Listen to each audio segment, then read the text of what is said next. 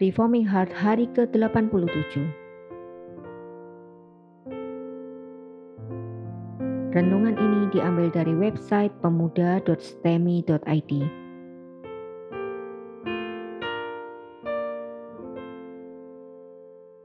Tema renungan pada hari ini adalah benda-benda penuh makna. Mari kita membaca Alkitab diambil dari kitab 1 Raja-Raja pasal 7 ayat 13 sampai 51. Demikian bunyi firman Tuhan. Benda-benda logam bait suci. Kemudian Raja Salomo menyuruh orang menjemput Hiram dari Tirus. Dia adalah anak seorang janda dari suku Naftali, sedang ayahnya orang Tirus, tukang tembaga ia penuh dengan keahlian, pengertian, dan pengetahuan untuk melakukan segala pekerjaan tembaga. Ia datang kepada Raja Salomo, lalu melakukan segala pekerjaan itu bagi raja. Ia membentuk dua tiang tembaga. Tinggi tiang yang satu 18 hasta dan dapat dililit oleh tali yang 12 hasta panjangnya. Tiang yang kedua demikian juga. Dibuatnya juga dua ganja untuk ditaruh di kepala tiang-tiang itu dari tembaga tuangan tinggi ganja yang satu lima hasta dan tinggi ganja yang kedua lima hasta. Dibuatnya pula dua jala-jala untuk ganja yang ada di kepala tiang itu. Jala-jala itu semacam kawat berpilin, semacam untayan rantai. Satu jala-jala untuk ganja yang satu dan satu jala-jala untuk ganja yang kedua. Kemudian dibuatnya juga buah-buah delima. Dua jajar berkeliling pada jala-jala yang satu untuk menutupi ganja yang di ujung tiang itu dan demikian pula dibuatnya pada ganja yang kedua. Dan ganja yang di kepala tiang dekat balai depan itu berbentuk bunga bakung, tingginya empat hasta, yakni ganja-ganja yang di atas kedua tiang itu. Di sebelah atas sekali, lewat jala-jala yang meliliti perut ganja itu, dan buah-buah delima ada dua ratus berjajar berkeliling pada ganja yang satu, demikian juga pada yang kedua. Kemudian tiang-tiang itu didirikannya dekat balai ruang besar, Ketika ia mendirikan tiang kanan, ia menamainya Yakhin. Ketika ia mendirikan tiang kiri, ia menamainya Boas. Dan setelah bentukan bunga bakung itu ditaruh di kepala tiang-tiang itu, maka siaplah pekerjaan membuat tiang-tiang itu. Kemudian dibuatnyalah laut tuangan yang sepuluh hasta dari tepi ke tepi bundar keliling. Lima hasta tingginya dan dapat dililit berkeliling oleh tali yang tiga puluh hasta panjangnya dan di bawah tepinya ada gambar buah labu yang mengelilinginya sama sekali. Sepuluh dalam sehasta, perangkum laut itu berkeliling. Labu itu dua jajar, dituang setuangan dengan bejana itu. Laut itu menumpang di atas dua belas lembu, tiga menghadap ke utara dan tiga menghadap ke barat, tiga menghadap ke selatan dan tiga menghadap ke timur. Laut itu menumpang di atasnya, sedang segala buntut lembu itu menuju ke dalam. Tebal laut itu setapak tangan dan tepinya serupa tepi piala, seperti bunga bakung yang berkembang. Laut itu dapat memuat 2000 bat air. Selanjutnya dibuatnya 10 kereta penopang dari tembaga. Satu kereta empat hasta panjangnya, empat hasta lebarnya, dan tiga hasta tingginya. Beginilah bentuk kereta penopang itu. Ada papan penutupnya dan papan itu diapit oleh bingkai. Dan pada papan penutup yang diapit oleh bingkai itu ada singa, lembu, dan kerub. Dan demikian juga pada bingkai itu. Di sebelah atas dan di sebelah bawah singa dan lembu itu ada karangan-karangan bunga yang tergantung. Pada satu kereta penopang ada empat roda tembaga dengan poros tembaga. Dan pada keempat penjurunya ada sangga untuk menyangga bejana pembasuhan. Sangga-sangga itu dituang dan di sebelah luar setiap sangga ada karangan bunga dan mulut kereta penopang itu ada di sebelah dalam sangga-sangga itu, menonjol ke atas satu hasta. Mulutnya itu bundar. buatannya sebagai tumpuan dan dalamnya satu setengah hasta. Juga pada mulutnya itu ada ukiran. Tetapi papan-papan penutupnya empat persegi, jadi tidak bundar. Keempat roda itu ada di bawah papan penutup, dan tangan-tangan roda itu ada pada kereta penopang itu, dan tinggi satu roda ialah satu setengah hasta. Dan buatan roda itu seperti buatan roda kereta, tetapi tangan-tangannya, lingkarnya, jari-jarinya, dan napnya semuanya tuangan. Keempat sangga pada keempat sudut setiap kereta penopang adalah seiras dengan kereta itu. Dan di sebelah atas kereta penopang itu ada leher bundar berkeliling, setengah hasta tingginya. Di sebelah atas kereta itu ada pula topang-topang dan papan penutup yang seiras dengan dia. Maka pada muka topang-topangnya itu dan pada papan-papan penutupnya diukirkannya lah kerub, singa, dan pohon korma, masing-masing menurut tempat yang ada dan karangan bunga sekeliling. Demikianlah dikerjakannya ke sepuluh kereta penopang itu. Tuangannya sama, ukurannya sama, dan potongannya sama semuanya. Lagi pula dibuatnya sepuluh bejana pembasuhan dari tembaga. Setiap tembaga dapat memuat empat puluh bat air. Setiap bejana empat hasta besarnya dan ada satu bejana di atas setiap kereta dari ke sepuluh kereta penopang itu.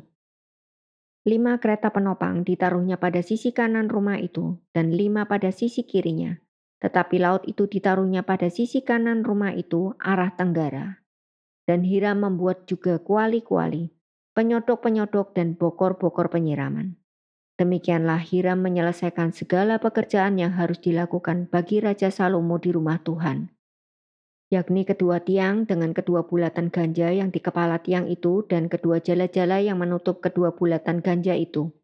Keempat ratus buah delima untuk kedua jala-jala itu, dua jajar buah delima untuk satu jala-jala guna menutupi kedua bulatan ganja yang di atas tiang itu. Ke sepuluh kereta penopang dan ke sepuluh bejana pembasuhan yang di atas kereta itu. Laut yang satu itu dan kedua belas lembu yang di bawah laut itu, kuali-kuali, penyodok-penyodok, dan bokor-bokor penyiraman.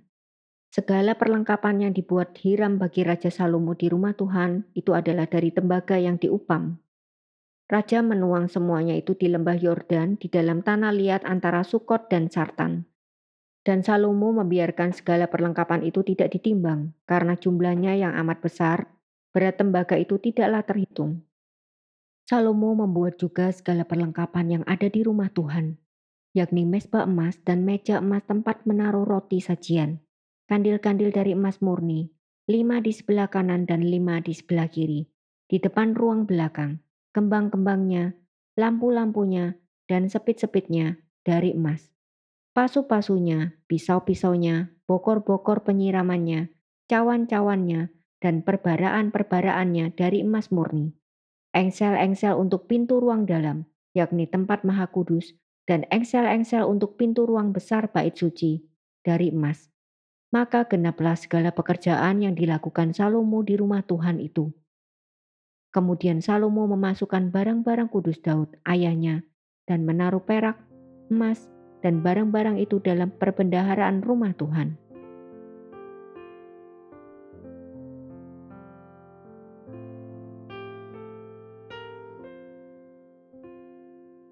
Pasal 6 telah menggambarkan beberapa hal yang terdapat di dalam bait suci, sekarang kita melihat hal-hal lain yang menggambarkan dengan lebih detail lagi apa yang ada pada pasal 6. Ayat 15 sampai 22 menggambarkan suasana mirip Taman Eden. Segala hal-hal yang menggambarkan pohon dan buah menyatakan keadaan Eden dengan lebih jelas. Biarlah kerinduan setiap orang yang datang kepada Tuhan adalah untuk berdiam bersama dengan Tuhan dengan penuh kedamaian dan sukacita Pemandangan simbolis tentang Eden ini jugalah yang membuat setiap orang yang datang ke bait suci diarahkan untuk merindukan adanya kebangunan rohani sejati melalui pengharapan akan kedatangan Tuhan yang akan memulihkan Israel. Ayat 23 sampai 26 memberikan gambaran ciptaan Tuhan yang besar. Daratan dan lautan disimbolkan oleh bagian ini. Adanya laut tuangan yang terkumpul melambangkan karya yang Tuhan kerjakan di dalam penciptaan Tuhan mengumpulkan air sehingga daratan muncul, seperti tertulis di dalam kejadian pasal 1 ayat 9. Bagian luar yang menggambarkan daratan dan lautan melambangkan seluruh dunia tempat di mana manusia berdiam. Ini juga alasan Salomo banyak meletakkan hiasan-hiasan yang berkilau di bagian dalam bait tersebut, karena hiasan-hiasan itu akan memberikan gambaran mengenai langit dan bintang-bintang di langit. Bagian dalam dari bait yang berkilau adalah lambang dari langit yang terbentang di atas manusia. Bagian terakhir adalah bagian terdalam dari bait suci, yaitu ruang maha suci. Selain tabut perjanjian, meja, dan kandil, ada patung kerub yang menjaga kesucian tempat itu. Ini menggambarkan simbol larangan untuk masuk, seperti tertulis di dalam kejadian pasal 3 ayat 24. Betapa penuh misterinya tempat berdiam Allah yang dijaga para malaikatnya.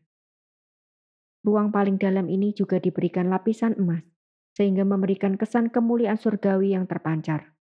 Kemuliaan surgawi yang menyatakan pancaran kemuliaan Allah di dalam segala sesuatu yang dia ciptakan. Tetapi kemuliaan surgawi ini bukanlah yang membuat tempat maha suci menjadi simbol dari tempat berdiamnya Allah di surga yang melintasi langit. Mengapa tidak? Karena tempat-tempat lain dari bait suci juga diberikan lapisan emas oleh Salomo. Lalu apakah yang membuat tempat maha suci menjadi simbol tempat berdiamnya Allah? Patung kerub setinggi 4,5 meter yang menghalangi jalan masuk. Seperti tertulis di dalam satu Raja-Raja pasal 6 ayat 23. Seluruh hiasan-hiasan yang dibentuk melambangkan keadaan ciptaan, baik bumi maupun langit, sehingga tempat maha suci menyatakan makna yang sangat penting. Allah adalah yang bertahta atas semua itu. Tetapi di dalam bait suci tidak ada satupun hiasan atau ukiran yang menyatakan inilah Allah. Bait ini adalah simbol bahwa Allah Israel tidak berdiam di bait ini. Bait ini adalah tumpuan kakinya Bait ini adalah simbol penyertaannya. Seluruh bait menyatakan hal ini terus-menerus. Tetapi seluruh bait juga mengingatkan bahwa jalan masuk ke tempat maha suci belum terbuka. Dan kalaupun imam besar dapat masuk, hanya dia, dan hanya satu tahun satu kali, dia masuk untuk mempersembahkan korban. Keadaan ini memberikan pengharapan bahwa Israel bukanlah penggenapan sempurna dari umat Tuhan dan kehadiran Tuhan Penggenapan itu ada pada Kristus yang akan datang, yang akan memperbaiki alam semesta dengan menebus dosa manusia. Dunia ini, sebagaimana disimbolkan oleh bait suci, adalah tempat yang sangat indah. Tuhan menyatakan kemuliaannya melalui ciptaan ini. Itulah sebabnya bait suci memberikan gambaran yang indah seperti itu. Begitu kayanya gambaran tentang keindahan alam dipaparkan oleh Salomo di dalam bait suci. Segala perlengkapan, hiasan, ukiran, dan semua hal-hal lain menyatakan kemuliaan Tuhan sebagai Sang Pencipta. Tetapi tidak ada gambar apa pun atau patung apa pun yang menyatakan seperti apakah Tuhan. Tidak ada satupun gambar atau patung, termasuk di ruang maha suci, yang menggambarkan inilah Allah seperti tertulis di dalam Keluaran pasal 20 ayat 4. Tetapi kekosongan di dalam ruang maha suci membuat kita sadar bahwa segala kecemerlangan dunia tidak membuat kita merasa cukup. Allah sang pencipta segala sesuatu. Dialah yang ingin kita kenal. Tetapi ketika masuk ke tempat paling suci dari bait ini, sekalipun ternyata kita tidak cukup syarat untuk menemui Allah, segala kemegahan duniawi menjadi sirna ketika kita berusaha untuk makin mengasihi Allah. Segala kemegahan ego duniawi juga ditundukkan ketika di ruang maha suci ternyata menyembunyikan Allah lebih daripada menyatakan tentang dia. Allah tetap tidak bisa dipahami, diketahui, dan juga dijelaskan dengan tuntas. Manusia adalah manusia, dan Allah adalah Allah. Kiranya kita terus setia kepada panggilan untuk mengenal Dia tanpa jatuh ke dalam kesombongan. Allah terlalu besar untuk bisa dikuasai dengan konsep berpikir kita. Kehadiran Allah di bait suci dinyatakan dengan simbol kehadiran, yaitu bait Allah. Tetapi juga dinyatakan dengan simbol misteri dan simbol kerub yang berjaga-jaga, sehingga membuat kita sadar bahwa Allah terlalu agung untuk dipahami dengan total. Marilah kita belajar untuk mengenal Allah dengan cara yang benar dia yang menciptakan seluruh dunia. Dia juga yang mendirikan tahtanya mengatasi bintang-bintang di langit. Dia juga yang melihat kepada manusia ciptaannya dan menyatakan diri kepada mereka. Bait suci menyatakan hal ini. Bayangkan ketika kita mengingat kembali keagungan seluruh alam semesta, lalu ingat bahwa Allah melampaui semua itu. Betapa kita tidak merasa kecil. Jika bintang-bintang di galaksi berjumlah lebih dari 3 miliar, dan matahari hanya termasuk salah satu dari bintang-bintang yang paling kecil, betapa kecilnya bumi betapa kecilnya kita. Tetapi ketika direnungkan lebih dalam, ruang tempat Allah bertahta melampaui bintang-bintang itu. Alangkah besarnya Tuhan kita. Dialah yang menciptakan segala bintang-bintang itu. Siapakah kita? Bagaimanakah kita dapat memahami Dia? Betapa kecilnya kita. Jika kita masih sombong dengan keberadaan kita, maka kita sungguh bodoh. Kita membanggakan diri kita yang sangat lemah dan tidak berdaya di hadapan Allah yang Maha Kuasa, Pencipta langit dan bumi. Untuk direnungkan,